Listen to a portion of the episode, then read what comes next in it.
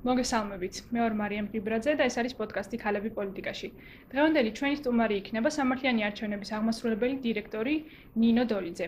ნინო წლების განმავლობაში მუშაობდა მრავალპარტიული დემოკრატიის განვითარებისა და ქალთა პოლიტიკური გაძლიერების მიმართულებით. ნინო, მოგესალმებით და დიდი მადლობა რომ დღეს ჩვენთან ერთად იმყოფებით. მოგესალმებით, დიდი მადლობა მოწვევისთვის. როგორც იცით, ჩვენი დღევანდელი განსახილველი თემა არის ქალთა პოლიტიკური გაძლიერება და ჩართულობა, საქართველოს არსებული რეალობა და გამოწვევები. თუ შეიძლება დავიწყოთ მოკლე მიმოხილვა თუ რა ვითარებაა და რა ადგილას დგას საქართველოს ამ ხრივ. კი ბატონო, პირველ რიგში ძალიან მიხარია, რომ ამ თემას უთმობთ დღევანდელ პოდკასტს, რადგან მგონია, რომ ქალთა პოლიტიკური მონაწილეობა ერთ-ერთი უნიშნელოვანესი თემაა ზოგადად დემოკრატიული განვითარებისთვის, იმიტომ რომ ქალებს ისევე როგორც კაცებს თანასწორად უნდა შეეძლოთ მონაწილეობის მიღება როგორც პოლიტიკაში, ასევე სხვა საზოგადოებრივ თუ ეკონომიკურ სოციალურ ცხოვრებაში. აა სადღაც დღეს საქართველოს და რა რეალობაა?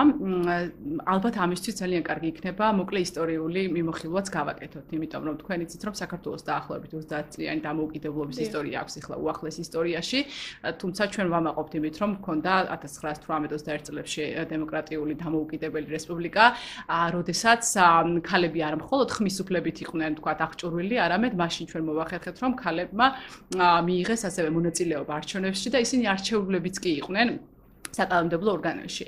ამიტომ, როდესაც ქალთა პოლიტიკურ მონაწილეობაზე ვსაუბრობ, ჩვენ გვაქვს ფაქტიურად ერთი საუკუნის წინ საკმაოდ საამაყო ისტორია, იმიტომ რომ მაშინ ჯერ კიდევ პრობლემა იყო სოფლიოს ბევრ განვითარებულ ქვეყანაში ხმის უფლების რეალიზება, აქ საუბარია აქტიურ ხმის უფლებაზე, რომ ქალებს მონაწილეობა მიიღოთ ზოგადად როგორც ამომრჩეველს და ჩვენ უკვე გვქონდა არა მარტო ხმის უფლება, იმ თავითვე გვქონდა მონაწილეობის უფლება პოლიტიკაში როგორც არჩეული დეპუტატები. თუმცა ამის შემდეგ თქვენ იცით რომ ძალიან ბევრი ხანი ჩვენ გვქონდა საბჭოთა პერიოდი და შემდეგ ახლა ეს 30 წელი გვაქვს დამოუკიდებლობის ისტორია, სადაც სამწუხაროდ ვერ მამაყობთ ქალთა პოლიტიკური მონაწილეობით ისე, როგორც მანამდე. და ამ 30 წლიანი პერიოდის განმავლობაში, რა თქმა უნდა, ეტაპობრივად ხდება გაზრდა, თუმცა ეს არ არის ის მზარდი ტენდენცია, რომელიც მაგალითად სოფლიოში შეინიშნება. და მაშინ, როდესაც სოფლიოში საკმაოდ მზარდია ტენდენცია ქალთა პოლიტიკური მონაწილეობის, საქართველოში თითო არჩევნებიდან, ამ შემთხვევაში საპარლამენტო არჩევნები რო ავიღოთ მაგალითად გასაზომად, ძალიან მცირე იყო ქალთა მონაწილეობის გაზრდა არჩევნებიდან არჩევნებამდე და გქონდა ისეთი პერიოდი, როდესაც უკუსვლაც კი გქონდა, მაგალითად თუ 2008 წელს ან 2004 წელს თქვა რაღაც პროცენტი იყო, შემდეგ უკან წავედით და ასე შემდეგ. ამიტომ ძალიან მკაფიო და ნათელი იყო ის, რომ მიუხედავად იმისა, რომ სოფლიო წინ მიდის და საქართველოსიც ქალთა უფლებების მიმართულებით ბევრი ნაბიჯები ითქმება, პოლიტიკურ მონაწილეობაში მაინც პრობლემებია ქვეყანაში და სწორედ ამიტომ არაერთი ქალთა მოძრაობა და ქალთა უფლება დამცველი მმართველების აქტიობა გახდა საჭირო იმისათვის, რომ თქვა პირველ რიგში ამ თემისთვის ზოგადად აქტუალობა მიგვენიჭებინა და შემდეგ რაიმე კონკრეტული ნაბიჯები გადაგვედგა ქალთა პოლიტიკური მონაწილეობის გაზრდისთვის. დღევანდელ სტატისტიკას კეთყვით, თქვენ იცით რომ 2020 წლის წინ ამოქმედა ეგრეთ წოდებული გენდერული კვოტა, რამაც უზრუნველყო მეტნაკლებად გაზრდა ქალთა პოლიტიკური მონაწილეობის, ეს რომ არ ყოფილი არ ვიცით რა იქნებოდა, მაგრამ ამ პროპორციითაც თქვენ იცით რომ დაახლოებით 20%-ია საქართველოსში ქალები პარლამენტში და ამ სტატისტიკით ჩვენ 100 მიღმავართ, ასე ვთქვათ 113 თუ 114 ადგილზე ვართ მსოფლიო რეიტინგში ამ მონაცემებით პარლამენტში. და არსებობს ასეთი გვერდი და ორგანიზაცია პარლამენტაშორისი კავშირი, რომელიც ყოველწლიურად ზომავს სხვადასხვა ქვეყნებში ქალთა პოლიტიკურ მონაწილეობას, მათ შორის პარლამენტებში, ეროვნულ პარლამენტებში და სწორედ აი ამ რეიტინგით ვართ ჩვენ 114 ადგილი იყო ბოლოს თუ არ ვწდები. აა რაც შეეხება ადგილობრივ თვითმმართველობას, იმიტომ რომ შესაძაც ქალთა პოლიტიკურ მონაწილეობაზე საუბრობთ, ეს არ არის ცხადია მხოლოდ პარლამენტი, ხო? ყველა პოლიტიკური ინსტიტუტი მოიაზრება აქ ცხადია. ადგილობრივ თვითმმართველობებში კიდევ უფრო სავალალო მდგომარეობაა და დაახლოებით 13 თუ 13.5%-ია ქალების საკრებულოში წარმოდგენილები და მერების თვალსაზრისით მხოლოდ ერთი არჩეული მერი ყავს საქართველოს მასშტაბით, როდესაც სულ 64 მერია, ერთი ქალი მერი არის არჩეული. არც ერთი გუბერნატორი არ ყავს ჩვენ ქალი და ნუ ერთ-ერთი მისასალმებელი ფაქტი, რა თქმა უნდა, ის იყო, რომ მაგალითად საქართველოს პრეზიდენტი გახდა ქალი. რა თქმა უნდა, ეს ძალიან კარგია. სამწუხარო ის არის, რომ საკმაოდ შევიწროვებული და შემცირებული უფლებამოსილებების პერიოდში ყავს ქალი პრეზიდენტი, კარგი იქნებოდა, როდესაც ის იქნებოდა უფრო მეტად ძლიერი და უფრო მეტი უფლებამოსილებებით აღჭურვილი და ასევე ძალიან კარგი იქნება იქნებოდა და იქნება თუ ქალბატონი პრეზიდენტი მეტ ყურადღებას დაუთმობს ქალთა პოლიტიკურ მონაწილეობას ასევე. და რაც შეეხება აღმასრულებელ რგოლს ცენტრალურ დონეზე, აქ სხვათა შორის მეტნაკლებად შეინიშნება, რომ ჩვენ მინისტრების დონეზე უფრო კარგი წარმომადგენლობა გვაქვს და ყავს რამდენიმე ქალი მინისტრი, მიუხედავად მათი ცვალებადობისა, მაინც ასე იგი ქალები არიან ხოლმე დანიშნულები. თავარი ამ ამბავში, ზოგადად როდესაც ქალთა პოლიტიკურ მონაწილეობას საუბრობთ, ერთი არის რაოდენობა და მეორე არის გადაწყვეტილებების მიღება. რეალურად იღებენ თუ არა ეს ქალები გადაწყვეტილებებს, რომლებიც არიან პოლიტიკაში. ეს ძალიან ზოგადი, თუ გინდათ უფრო ციხმებში წავიდეთ, შემდეგ თქვენ შეკითხეთ. კი ბატონო, ძალიან დიდი მადლობა. სანამ გადავალთ უფრო მეტად სიღრმისეულ განხილვაზე, მანამდე მინდა განვიხილოთ თუ რა გამოწვევები უდგათ ქალებს დღევანდელ რეალობაში საქართველოში პოლიტიკური ჩართულობის კუთხით. კი ბატონო. ა თქვენ იცით რომ საქართველოს საკმაოდ პატრიარქალური საზოგადოება და ის გამოწვევები რაც ქალებს აქვთ დღეს საქართველოში ერთის მხრივ სწორედ ამით არის განპირობებული და მეორე მხრივ ზოგადად ქალის როლით ა ჩვენს არამხოლოდ საქართველოს არამედ მსოფლიოში რაღაცა ეს როლი რაც არის საზოგადოებაში კი ამით არის გამოწვეული. როდესაც საუბრობთ პრობლემებზე, აქ აუცილებლად უნდა გამოვყოთ ერთი, თქვა საკანონმდებლო დონეზე ან სახელმწიფოს დონეზე არსებული პრობლემები და მეორე უკვე უშუალოდ საზოგადოება საზოგადოებაში არსებული წნეხები ქალთა პოლიტიკური მონაწილეობის მიმართულებით.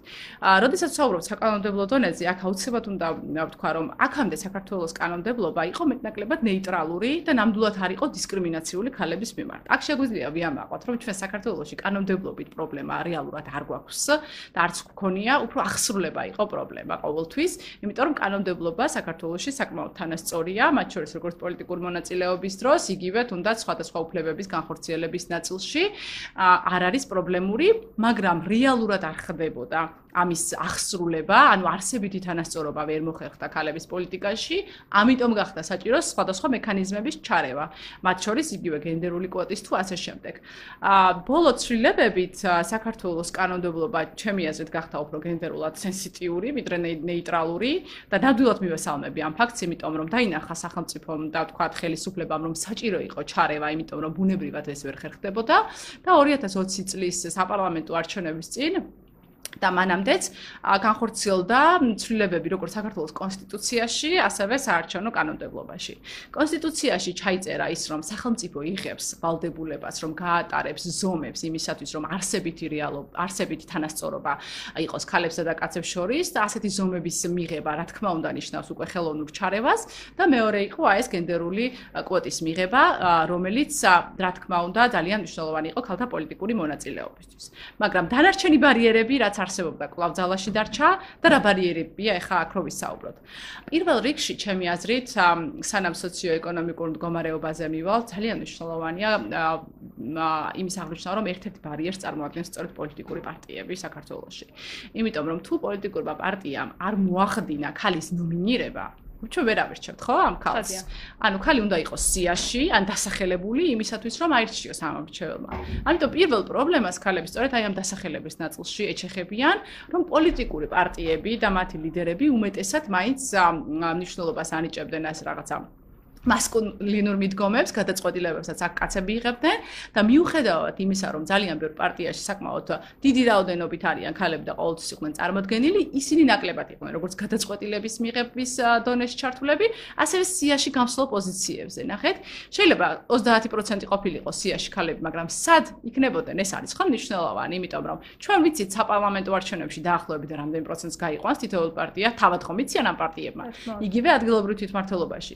შესაბამისად შესაბამისად მათ უნდათ რომ ქალებს ხელი შეუწყონ. იმ ადგილებზე უნდა ჩასვან რომელიც არის გამსვლელი პირველი მეორე მესამე და არა მეათე და მე-15 ადგილზე. იმიტომ რომ მახსოვს ადგილობრივი თვითმმართველობის არჩევნები იყო. 15 კაცია სულ ასარჩევი წინა არჩევნებზე მაგ საუბარი და ქალები მე-8 მე-19 ადგილებზე ჩასვენს. მაშინ როდესაც ამ პარტიას რეალურად ერთი ან ორი ადამიანის გაყვანის შესაძლებლობა ჰქონდა საკრებულოში. ეს იმთავითვე წაგებული ბრძოლაა ქალებისთვის და ეხლა როდესაც გვეუბნებიან რომ ქალები ყავდა ჩასმული რეალურად არ ყავდათ ხო გამსელ პოზიციებზე. ამიტომ ერთ-ერთი პრობლემას ვფიქრობ, რომ პოლიტიკური პარტიები წარმოადგენენ, რადგან მათთვის ეს ეს თემა არ გახდა სენსიტიური ან მნიშვნელოვანი საკმარისად. თუმცა აქაც მინდა ვთქვა, რომ ქალთა მოძრაობის და ქალთა უფლებადამცველების ბრძოლის შემდეგ დღეს უფრო, რა თქმა უნდა, წინ წამოწეულია ეს თემა და თუ 10 წლის წინ გენდერზე ეცინებოდათ, დღეს იციან, რომ სერიოზულად უნდა მოეკითხონ, მოეკიდონ ამ საკითხს, იმიტომ რომ თუნდაც საერთაშორისო ორგანიზაციებისთვის და ასე შემდეგ. მათთან მიდგომისთვის. და შემდეგი პრობლემა რაც არის, ეს არის, რა თქმა უნდა, ის ასე ვთქვათ, შემოფერხებელი გარემოება, რაც არის ქალის როლი მაგალითად საზოგადოებაში, რომელიც პირველი როლი ქალის არის დედა, რეპროდუქციული, ასე ვთქვათ, უფლებები და ოჯახი.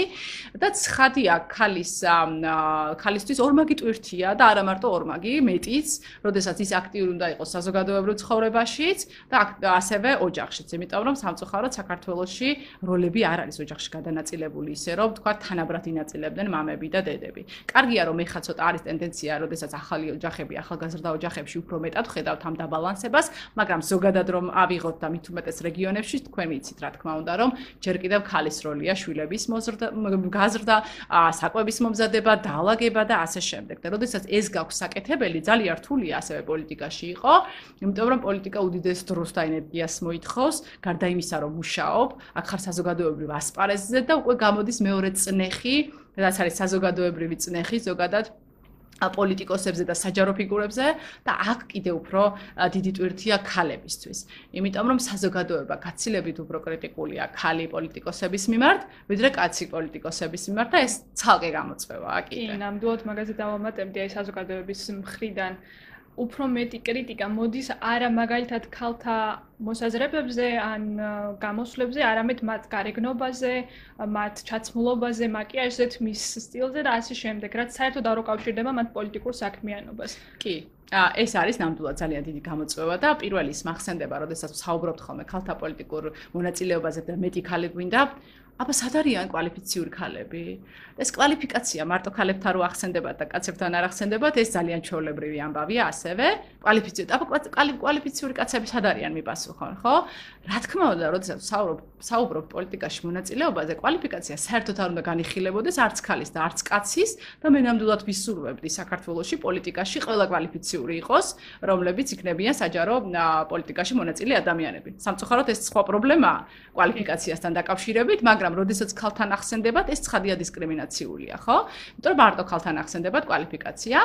აა და რაც თქვენ ახსენეთ, ძალიან დიდ პრობლემას წარმოადგენს ის, რომ ქალებს უფრო მეტად, ასე ვთქვათ, მეტ იმაში ატარებენ, რაღაცნაირად უყურებენ უფრო მეტად ყველა მიმართულებით, ვიდრე კაცებს. იგივე იქნება ეს ჩაცმულობასთან დაკავშირებით, იქნება ეს სამისი მაკიაჟი, მარცხნილობა, საუბრის მანერა, ღიმილის მანერა და ასე შემდეგ. მე მახსენდება ფოკუს ჯგუფები, სადაც ვიკვლიეთ როგორი ქალი მოგწონს პოლიტიკოსი და ძალიან ერთმანეთთან განსხვავებული და დაპირისპირებელი მოსაზრებები იყო, მაგრამ აი წარმოუდგენ. მაგალითად, არ უნდა იცინოდეს ძალიან ხმამაღლა და ცოტა მორიდებული უნდა იყოს. ან რაღაცა ხალს ეს არ შეეფერება, ეს არ შეშვენის, აი ასე არ უნდა იჯდეს. ასე არ. კი ბატონო, კი ბატონო, ასევე ძალიან სამწუხაროა, მაგრამ არსებობს стереოტიპები ამასთან დაკავშირებით, რომ თუ არის ხალი კარგად თუ გამოიყურება, რაღაცა ჭკვიანი ვერ იქნება, ან ვიღაცა მოიყვანა პოლიტიკაში, აი ეს მსგავსი დამოკიდებულებები ძალიან პრობლემურია. კიდევ ერთი პრობლემა რაც რასაც ვხედავ ამ მიმართულებით არის ეგრეთ წოდებული პატრონაჟი რო ვთქვა. აი მაგალითად ხალი არის აქტიური პოლიტიკაში და პატრონი არ ყავს, мама არ ყავს, ქმარი არ ყავს, ძმა არ ყავს, ანუ კაცმა უნდა ასე ვთქვათ, დაიჭიროს ის, რომ რატოა ასეთი აქტიური საზოგადოებრივ ცხოვრებაში.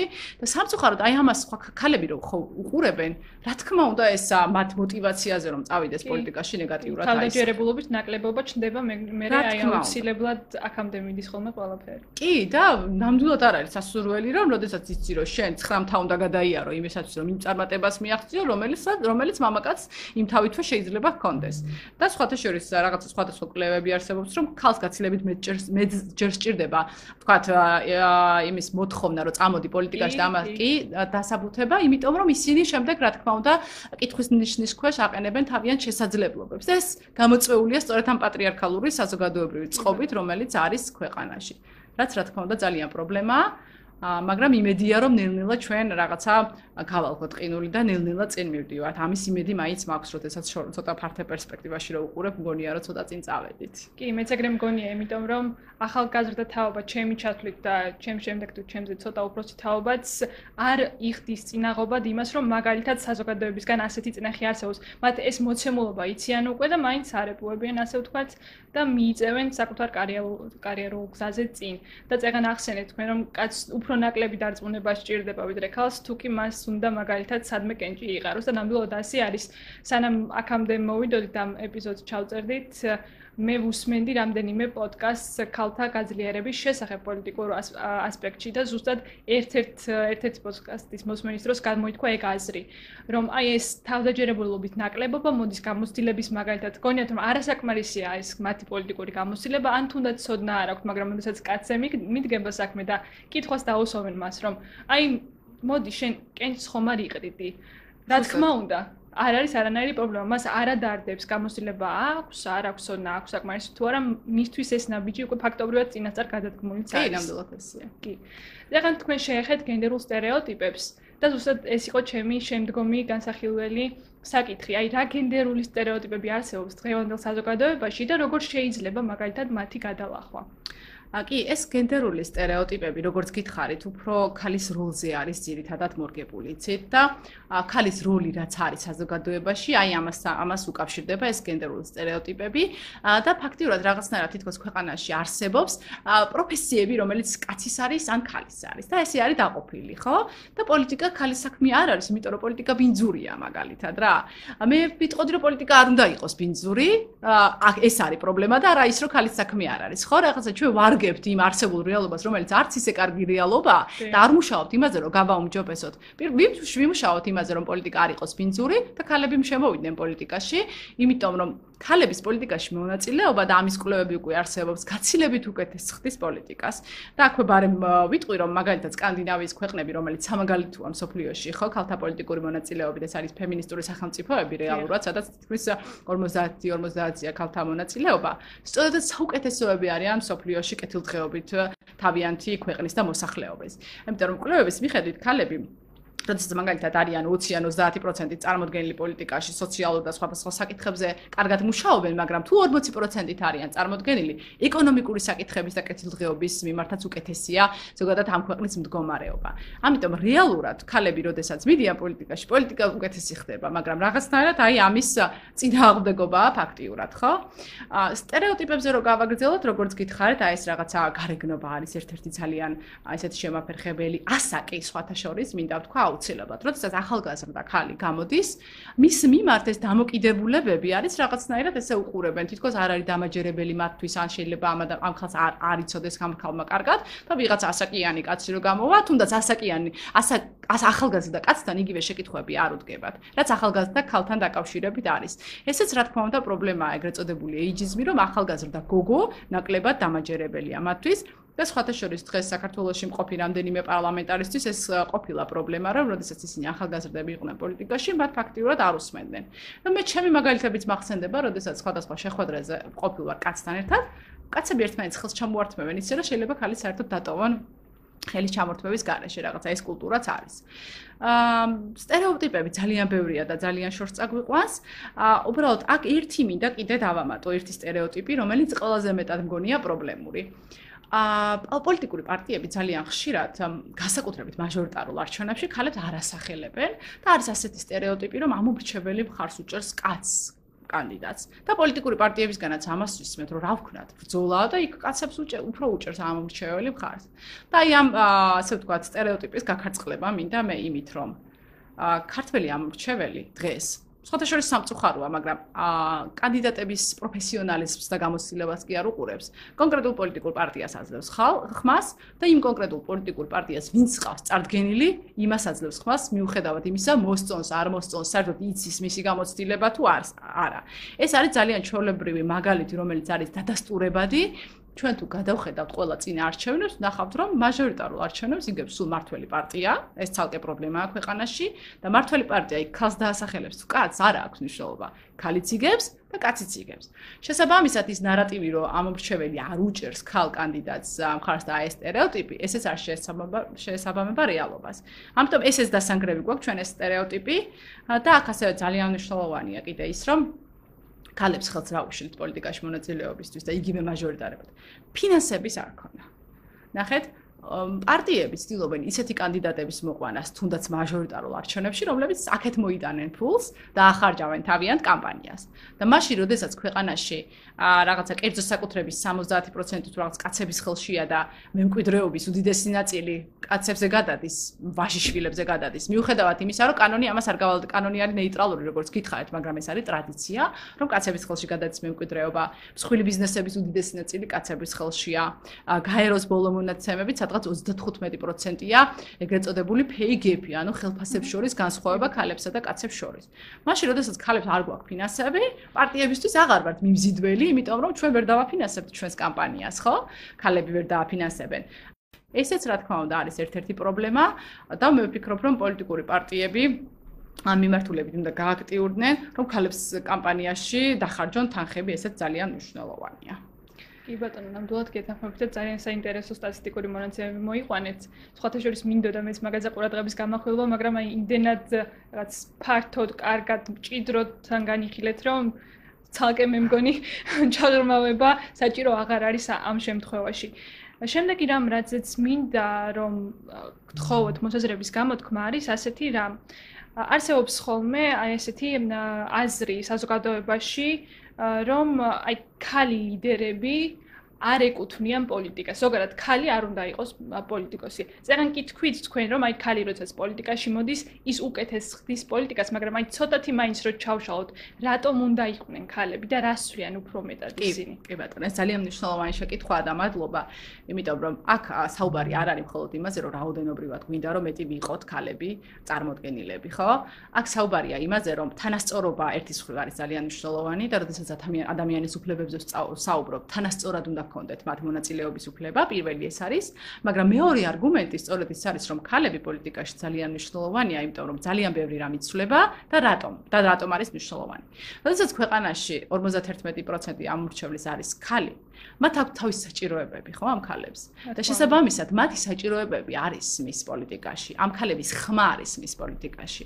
ამიტომ პირველი რატომაც გვჭირდება ჩვენ მეტი ქალი პოლიტიკაში არის ის, რომ ხალხის ხმა, იმ საზოგადოების ხმა, რომელსაც წარმოადგენენ ამ შემთხვევაში ქალების, უნდა ისმოდეს საკანონმდებლო ორგანოში და აღმასრულებელში, რომ მათი პრობლემები გადაიჭრას. და კი, ჩვენ ქალებს და კაცებს განსაკუთრებული განსხვავებული პრობლემები ნამდვილად გვაქვს. როდესაც ვსაუბრობთ გენდერულ თანასწორობაზე, აქ საუბარია გონებრივი შესაძლებლობაზე და როლების თანასწორობაზე. რა თქმა უნდა, ბიოლოგიურად ქალები და კაცები ერთმანეთისგან განსხვავდებით, სხვა საჭიროებები გვაქვს და ასე შემდეგ და იმისათვის, რომ ქალების საჭიროებები ისმოდეს, აა სწორედ ამიტომ გვჭირდება მეტი ქალი პოლიტიკაში. აქ ერთი მაგალითი მომყავს ხოლმე მე. თუმცა მე ვფიქრობ, რომ შვილების თემა არ უნდა იყოს მარტო ქალებისთვის, მაგრამ ეს არის რეალობა, ხო, რომ ქვეყანაში უმეტეს შემთხვევაში სწორედ თქვა რაღაცა სოციალური საკითხები თუ ბავშვთა საკითხები ქალებს აინტერესებთ. და ერთი მაგალითი მახსენდება, ბაღები გახდა ერთხელ უფასო დედაქალაქში თუ არ ვთქვი თუ სხვაგანაც და ერთ-ერთი ქალი პარლამენტარის ინიციატივა იყო. და მეორე პარლამენტარმა კაცმა თქვა რომ განა მე ვიყავი წინა აღდგი უბრალოდ აზრადაც არ მომსულიაო ანუ არის საკითხები რომლებიც აზრად ქალებს მოსდით არის საკითხები რომლებიც კაცებს. და მათი თანასწორი მონაწილეობით რა თქმა უნდა უკეთეს პოლიტიკას მივიღებთ რომელიც ყველა საჭიროებაზე იქნება მორგებული. აქ მარტო ქალებს ი არა სხვათა შორის. სხვადასხვა ნაკლებად წარმოადგენელ ჯგუფებსაც იგივე ეხება ხო? იგივე შეზღუდული შესაძლებლობების მქონე პირებს და ასე შემდეგ. თუ მათი წარმომადგენელი არ არის იქ სადაც პოლიტიკა განიხილება და გადაწყვეტილებები მიიღება როგორ გავიგოთ ჩვენ ამ ადამიანების საჭიროებები. ამიტომ პირველ რიგში საჭიროებებისთვის არის განკუთვნილი, რომ ყველა ადამიანის ამ რაღაცა კატეგორიის ხმა ისმოდეს საქართველოს პარლამენტში, ადგილობრივ თვითმმართველობებში და ასე შემდეგ. და ასევე კიდევ იმიტომ გვჭირდება ჩემი აზრით, რომ ქალები გასხოვებლად უყურებენ ყველა საკითხს იგივე უსაფრთხოების საკითხებს, ეკონომიკის საკითხებს და ასე შემდეგ, იმიტომ რომ მათ სხვა ტიპის ხედვები აქვთ ამ საკითხებში და მგონია რომ ეს თანამონაწილეობა ძალიან კარგი იქნება, იგივე უსაფრთხოების საკითხებში, მშვიდობის საკითხებში და ასე შემდეგ. ესეც ძალიან მნიშვნელოვანია და ძალიან მოკლედ ვიტყვი რომ მე ვაკვირდებოდი 2012-16 წლის საქართველოს პარლამენტში ხელი და კაცი დეპუტატების აქტივობას და ძალიან რთულია შინაარსში შეხვიდე, მაგრამ რაოდენობრივად უყურებდი და ვთვალე მაგალითად ვინ იყო უფრო აქტიური და ვინ იყო ნაკლებად აქტიური. მაშინ 12% იყო საქართველოს პარლამენტში ქალები და მათი აქტივობა იყო 20%. ანუ იმაზე მეტი, ვიდრე ისინი იყვნენ.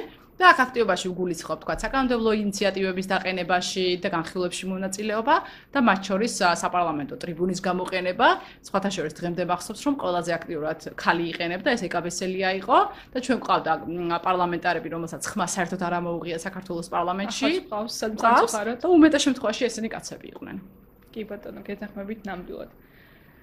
მაშინ დგება საკითხი ასე, რომ რა უნდა გააკეთონ პირველ რიგში პოლიტიკურმა პარტიებმა, რომ თანაბარი პოლიტიკური მონაწილეობის, ну არა მხოლოდ მონაწილეობის ჩართულობის შანსი მიეცეთ, როგორც ცენტრალურ ისე ადგილობრივ დონეზე ქალებს. კი. აა სხვათა შორის, როდესაც გენდერულ კვოტაზე ვსაუბრობთ ხოლმე, მე ახაც მინდა ვთქვა, რომ ეს არ არის თვითმიზანი. ჩვენ საერთოდ არ გვინდა ხელოვნური ჩარევა და ბარიერები, როდესაც ეს ბუნებრივად იქნება. ნამდვილად არ ვფიქრობ ხელოვნური ჩარევის აუცილებლობას, თუ ბუნებრივად ეს მდგომარეობა იქნება. უბრალოდ ჩვენ ბუნებრივად გქონდა ის მდგომარეობა, რომ მიუხედავად ბევრი ძალისხმევისა, ქალები წინ მაინც ვერ მიდიოდნენ პოლიტიკაში და რაღაცა ბუნებრივად მათი ზრდა იყო 2% და როდესაც 4 წლიანი პარლამენტში 2% გაქვს ზრდა, როდის მიხვალ 30%-ამდე ხო, რაღაცა 10 ჯერ 40 წელი გჭირდება, მხოლოდ 20-დან 30-მდე 40 წელი უნდა გავიდეს, რომ რაღაცა ოდბიქამდე ავიდეთ, ხო, ბუნებრივად. როდესაც ჩვენ აღარ ვიქნებით ან სად ვიქნებით. ამიტომ ჩვენ გვჭირდებოდა მექანიზმი, რომელიც უფრო ა მალე მოახდენდა თქვა ქალების მონაწილეობას პოლიტიკაში.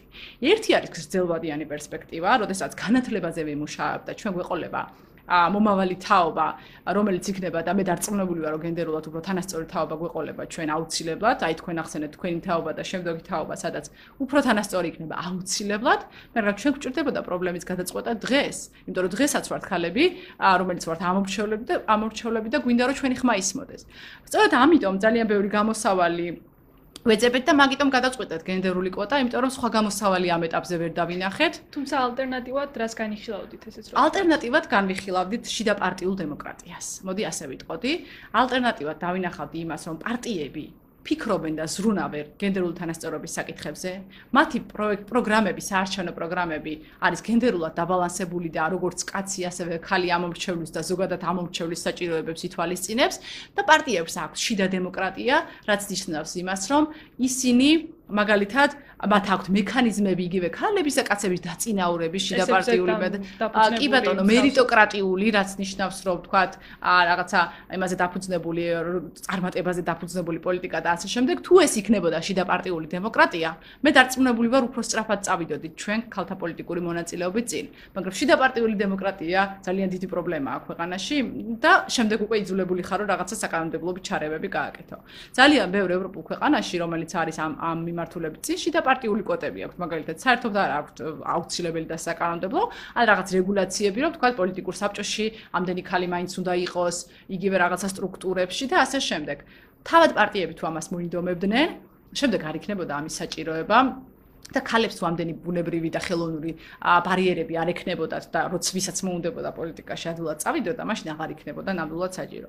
ამიტომ თუ ჩვენ თუ შევქმნით საზოგადოებას, რომელიც არის თანასწორი, სადაც ქალების და კაცების მონაწილეობა პოლიტიკაში ერთნაირად განიხილება და ქალებს ბევრი ბარიერის გადალახვა არ უწევთ და იგივე რაღაცა საზოგადოებრივიდან ამ წნეხის გადალახვა, რა თქმა უნდა, ეს ძალიან კარგი იქნებოდა. უბრალოდ ეს კულტურა უნდა შევქმნათ და ეს კულტურა როგორ შევქმნათ, ამაზე უნდა ვიმსჯელოთ ბევრი და ამ ეტაპზე ვფიქრობთ რომ რამოდენიმე მოწვევის პარლამენტში ან საკრებულოში როდესაც იქნება ეს გენდერული კვოტა შემდეგ აღარ იქნება საჭირო გაუქმდება და ეს გახდება კულტურა საქართველოსში რომ ქალები და კაცები თანასწორად მიიღებენ მონაწილეობას. გასაგებია. თუმცა ძალიან ნუ ეთახმები ამ მსჯელობას რაღაც მხრივ, მაგრამ რაღაც მხრივ თან წინააღმდეგობა მეორე მხრიდან, იმიტომ რომ ამ მექანიზმებს, საკანონმდებლო მექანიზმებს, რაც თქვენ ახსენეთ, შეუძლია გვერდი აუარონ პოლიტიკურმა პარტიებმა და ასე გააკეთა კიდევაც რამდენიმე პოლიტიკურმა პარტიამ. და ამაზე რას ფიქრობთ? თუ კი შესაძლებელია რაღაც ღარის, აი ხარვეზის პოვნა საკანონმდებლო სისტემაში, ამას როგორ უნდა უპასუხოთ? კი, სხვადასხვა შორის, როდესაც ამ კანონმდებლობას იღებდნენ, ჩვენ მაშინ ვიცოდით, რომ იყო შესაძლებლობა გვერდისავლით და გვინდოდა რომ არ ყოფილიყო ეს შესაძლებლობა და თქვათ რაღაცა სანქცია ყოფილიყო, ან მანდატი, თქვათ, გაუქმებულიყო, ან ასე შემდეგ, იმიტომ რომ ხედავდით ზოგიერთი პოლიტიკური პარტიის მხრიდან ამ დამოკიდებულებებს. პირველი პრობლემა სწორედ ეს არის, რომ პარტია ცდილობს გვერდის ავლას. და მანკიერს ეძახის მაგალითად ამ გენდერულ კვოტას და იმას არ ეძახის მანკიერს რომ გვერდის ავლას ცდილობს. ანუ ეს არის პრობლემა, რომ რაღაცნაირად ებრძვიან ამას. კანონმდებლობა შეიძლება რომ გასწორდეს, ახლაც არის ამის საშუალება. უბრალოდ მე რა თქმა უნდა ვისურვებდი, რომ კანონმდებლობა კი არ სწორდებოდეს, პოლიტიკური პარტიები იღებდნენ ამ მოცემულობას სხვაგვარად, ცდილობდნენ რომ მეტი ხალი მოიძიონ მოიძიონ პოლიტიკაში, რაღაცნაირად სხვადასხვა ხერხებით, გზები დაინტერესონ და შემდეგ ვთქვათ, აღარ იქნებოდა საჭირო არც ამ გვერდის ავლა და არც სიების ჩახსნა და ასე შემდეგ. ძალიან სამწუხარო, როდესაც პოლიტიკური პარტია ასე უდგება ამ საკითხს, რომ რაღაცა აფორმალურად თქვათ შედგენა და შემდეგ ჩახსნა. რა თქმა უნდა, ამ კანონმდებლობის გასწორების შესაძლებლობა არის, თუ იქნება ამის ნება პარლამენტის მხრიდან, მაგრამ ესეც არის ფაქტიურად იძულება მათი რაც არ არის კარგი ნამდვილად იზულება, ვისურვებდით რომ ბუნებრივად იყოს ასე, მაგრამ სხვა გზა უბრალოდ არ რჩება. აა და მე მაინც ვისურვებდი რომ რაღაცამ ყველამ ერთად ვიმუშაოთ იმისთვის, რომ ქალთა პოლიტიკური მონაწილეობა გახდეს კულტურა ამ ქვეყნის, რომელიც არის საჭირო. ეს არ არის უბრალოდ მოთხოვნა, იმიტომ რომ რაოდენობა იყოს, უბრალოდ ეს არის საჭირო იმისაც, რომ პოლიტიკა პასუხობდეს საზოგადოების და ამორჩევლის ასე ვთქვათ საჭიროებებს და ამისთვის რომ ქალებიც არიან საჭიროების ზოგიერთ პოლიტიკურ პარტიაში ამას უნდა შეხედონ ამ პარტიებმაც რომ ქალები სჭირდებათ მათ პარლამენტში იქნება თუ ადგილობრივ თვითმმართველობაში ქალი ამორჩევლის პასუხებს რომ პასუხობდნენ საჭიროებებს რომ პასუხობდნენ. გასაგებია. თქვენ როგორ გონიათ? თქვა ახსენეთ რომ რა თქმა უნდა ეს კვოტა არის მოკლე ხნიანი მოკლევადიანი მექანიზმი ქალთა უფრო უფრო გაძლიერებისთვის. რამდენად მოკლეხნიანი გქონიათ, ანუ რამდენი ხანი დასჭირდება იმას, რომ კვოტირება საბოლოოდ აღარ გახდეს საჭირო ჩვენს ქვეყანაში. ის რა რთულია ამის თქმა ზუსტად კონკრეტულად, იმიტომ რომ აი ხედავთ ხო, კვოტა მიიღეთ და კიდე წინააღმდეგობა და რაღაცა გვერდისავლაა. რთულია ერთი მოწვევა, ორი მოწვევა თუ ხუთი მოწვევა დასჭირდება ამას. ამას დაგვანახებთ, დაგვანახებთ ჩვენ პოლიტიკური რეალობა და მდგომარეობა და ჩვენ ვიგრძნობთ, როდესაც ქალების ხალებს პოლიტიკაში მონაწილეობა მოუნდებათ თუ არ მოუნდებათ, ეს მათზე იქნება დამოკიდებული. დღეს ნახეთ როგორი პრობლემაა, რომ რომ მოუნდეთ პოლიტიკაში პოლიტიკაში მონაწილეობა, ძალიან ბევრი ბარიერი ხდებათ. როდესაც იქნება მდგომარეობა, რომ ბარიერები არ შეხვდებათ, შემდეგ გადაწყვიტონ ხალებმა, ჩვენ კი არ ვაძალებთ ვინმეს რომ წადი პოლიტიკაში. უბრალოდ თუ მინდა წასვლა, ან ვიღაცას თუ უნდა წასვლა, მას არ უნდა კონდეს პრობლემები. როდესაც დავინახავთ საზოგადოება, სადაც იქნება თანასწორობა და ქალებს და კაცებს თანასწორად შეეძლებათ, ალბათ ამ შემთხვევაში დადგება ეს რეალობა, რომ აღარ იქნება საჭირო. ამას ასე ვთქვათ, პოლიტიკური გარემო მიგვანიშნებს თავად და ჩვენ ეს არ დავისახოთ კონკრეტული ვადა. რა თქმა უნდა, კონკრეტული ვადის დასახვა ამ შემთხვევაში არაფერს არ მოგცემს, იმიტომ რომ საზოგადოებაც და პოლიტიკური სფეროს და გარემოც ნამდვილად უნდა განვითარდეს. ჩვენ ძალიან ბევრ თემას შევეხეთ, იყო ეს საზოგადოებრივი წნეხი, იყო ეს პიროვნული დამოკიდებულება თუ პარტიული დამოკიდებულება, მოკლედ რომ შევაჯამოთ ეს ყველაფერი და რა რეკომენდაციებს ან თუნდაც რჩევებს მისცემდით იმ ქალებს, რომლებიც ახლაც არიან პოლიტიკურ კარიერას მისდევენ, ან მათ, რომლებსაც უნდათ ამ ნაბიჯის გადადგმა მომავალში. ხო. აა ძალიან რთულია სხვათა შორის ქალებს უთხრა წადი პოლიტიკაში, როცა იცი რომ ეს გარემო ხდება მათ და საკმაოდ მძიმე, ასე ვთქვათ, რეალობას ეჩეხებიან. მაგრამ მე მაინც ვეთყოდი ყოველას, ვინცაც პოლიტიკაში მონაწილეობა უნდათ, რომ აუცილებლად უნდა გადადგან ეს ნაბიჯი, იმიტომ რომ რაც უფრო მეტი მიიღებს ამ გადაწყვეტილებას და რაც უფრო მეტად კრიტიკული იქნება ქალთა მონაწილეობა პოლიტიკაში, ეს ბარიერები უფრო და უფრო უკან წავა. იმიტომ რომ როდესაც კრიტიკული მასა ქალების იღებენ პოლიტიკაში მონაწილეობას, ისინი გადაწყვეტილებებსაც უკვე უფრო მარტივად იღებენ. ეს კრიტიკული მასა, ასე ვთქვათ, პროცენტი საერთაშორისო რეკომენდაციებით 30% მაინც არის, რომ 30% მაინც უნდა იყოს ეს განსხვავებული ჯგუფი პოლიტიკაში, რომ მათ რეალურად შეძლონ გატარება ცვლილებების. ამიტომ გამბედავი ქალები, ვინც არიან პირველ რიგში, მათ ვეთყოდი, რომ თქვენ უნდა გადადგათ ეს ნაბიჯი, რომ სხვას მისცეთ მაგალითი. აა ყველა ერთნაირად არც გამბედავი არ არის, არც ერთნაირი ძალა არ აქვს და ეს არ ნიშნავს იმას, რომ ვიღაცა ვინმეზე მეტია ნაკლები. ჩვენ ერთმანეთს რაღაცა ეს sisterhood-ს რომ ეძახიან, ერთმანეთს უნდა დაუდგეთ ქალები გვერდით, იმიტომ რომ სხვა არავინ არ დაგვიდგება გვერდით თუ არა ჩვენ ერთმანეთს უნდა დავანახოთ, როგორ გვერდით გავართ, როგორ ვეხმარებით და როდესაც რეალურ ცვლილებებს დავინახავთ, მე უფრო დიდი იქნება мотиваცია. ამიტომ ყოველას რა თქმა უნდა ვურჩევ, რომ წავიდეს მიუხედავად დიდი წნეხისა, ეს წნეხიც მაინც მეტნაკლებად გადალახული მგონია, იმიტომ რომ უკვე ძალიან ბევრმა ქალმა ამოიღო ხმა. და ის ბინძური მეთოდები რაც სამწუხაროდ ქალების მიმართ იყო გამოყენებული პოლიტიკაში, ფაქტიურად გადავაგორეთ, იმიტომ რომ ზოგიერთმა პოლიტიკოსმა შესაძლოა ეს პოლიტიკოსი მოგწონდეს არ არ მოგწონდეს, მაგრამ აქ ძალიან დიდი როლი ითამაშა იმისაც რომ ეს რაღაცა გარდამტეხი მომენტი მომختارიყო. ამიტომ მე ვფიქრობ, რომ ვეღარავის დაემუქრებიან იგივე პირადი ცხოვრების ამსახველი კადრებით თუ ასე შემდეგ პირადი ცხოვრებით ზოგადად, რაც ერთ-ერთი პრობლემაა ქალებისთვის სწორედაც, რომ ქალის პირადი ცხოვრებაც გამოდის სააშკარაოზე, ოჯახი ექნება თუ არ ექნება. აა ეს ფაქტიურად გარდამტეხ ეტაპზე ვართ. აა ამიტომ ძალიან მნიშვნელოვანია რომ ეხა არ შევეპუოთ ყველა ქალმა გადადგას ნაბიჯი ვისაც უნდა მონაწილეობა და რა თქმა უნდა ორგანიზაციები და უფლებადამცველები მზად ვართ რომ ყველა ქალს გვერდით დაუდგეთ ვისაც პოლიტიკაში მონაწილეობა უნდა სადაც გაუჭirdებათ იქ ვიქნებით და ერთად აუცილებლად გადავლახავთ ამ პერიოდს და მომავალი იქნება თანასწორი. ძალიან დიდი მადლობა ნინო ძალიან მიხარია მიხარია რომ დღეს ჩვენი სტუმარი იყავით. ეს იყო პოდკასტი ქალები პოლიტიკაში. მე მარიამ ღიბრაძე ვარ. მომავალ შეხვედრამდე